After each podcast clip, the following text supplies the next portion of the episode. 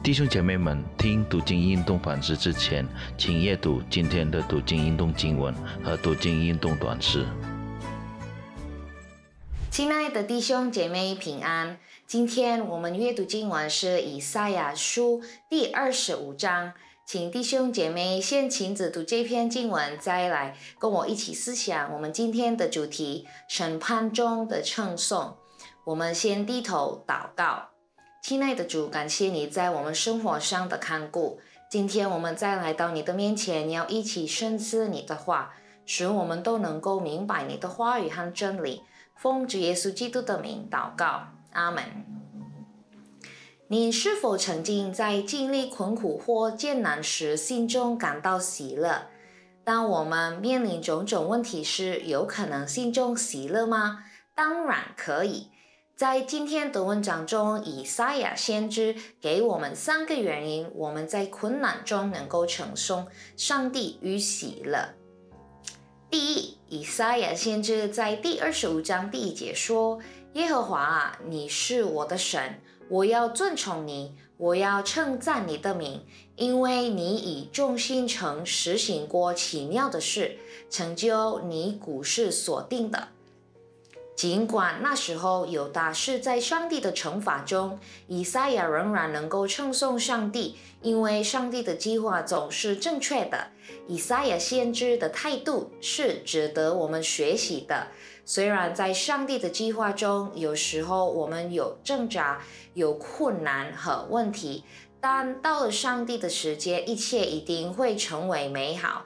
在经历挣扎时，称颂上帝的心能够给我们盼望和力量，使得我们不灰心、不软弱或失望。反之，我们仍然相信上帝，而且深信他在我们身上的计划总是美好的。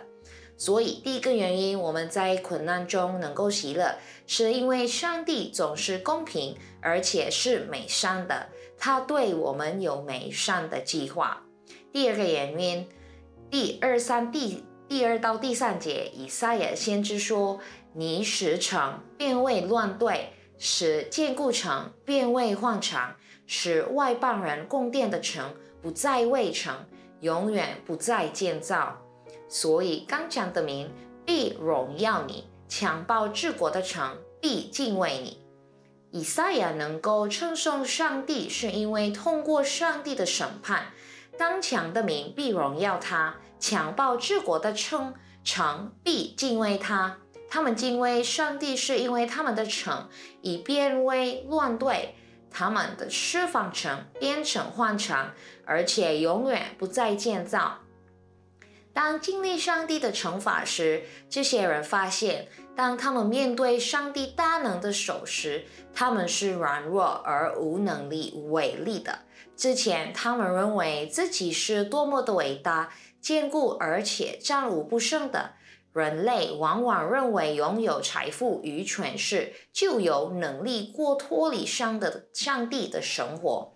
当上帝允许让失败，痛苦或疾病发生时，我们才了解我们是多么的脆弱。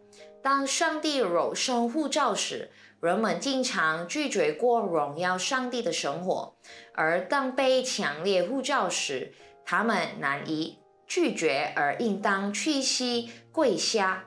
有的人不愿过敬畏上帝的生活，但是当上帝让他面临严重的问题时，他才醒悟到他的卑微，然后才开始过敬畏上帝的生活。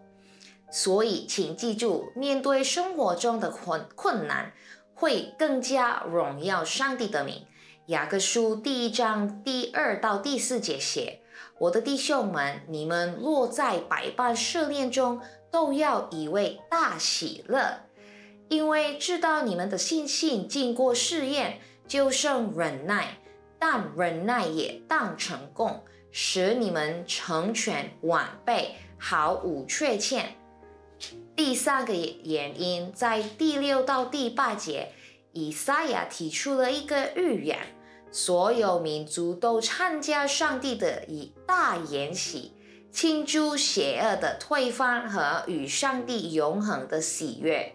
这节经文表明，上帝的救赎信息一直是他的计划给所有人，而不仅仅是犹太人。在第八节，以赛亚预言耶和华会永远吞灭死亡。我们一起读第六到第八节。在这山上，万军之耶和华必为万民用肥甘四百筵席，用陈酒和满水的肥甘。并澄清的成就四百筵席，他又必在至善上除灭自盖万民之物和自闭万国蒙脸的帕子。他已经吞灭死亡，直到永远。主耶和华必擦去个人脸上的眼泪，又除掉普天下他百姓的羞辱，因为这是耶和华说的。所以，从今天的今晚，以赛亚教我们在困难中能够喜乐而称颂耶和华，因为第一，上帝总是公平而且是美善的，他对我们有美善的计划；第二，更加荣耀他的名；第三，我们能够喜悦，因为上帝已经过胜了死亡，我们永远有盼望。以赛亚在第九节说到：“那日，人必说：看哪，这是我们的神，我们素来等候他，他必拯救我们。这是耶和华，我们素来等候他，我们必因他的救恩欢喜快乐。”我们一起低头祷告，感谢耶稣，你已经战胜了死亡，相信你的人不会灭亡。在你里面，我们有永恒的希望。尽管世界看起来很糟糕，但我们知道你在掌控、掌控之中。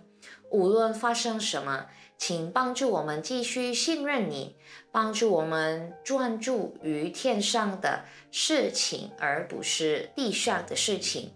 奉耶稣基督的名求，阿门。弟兄姐妹，上帝与你们同在。再见。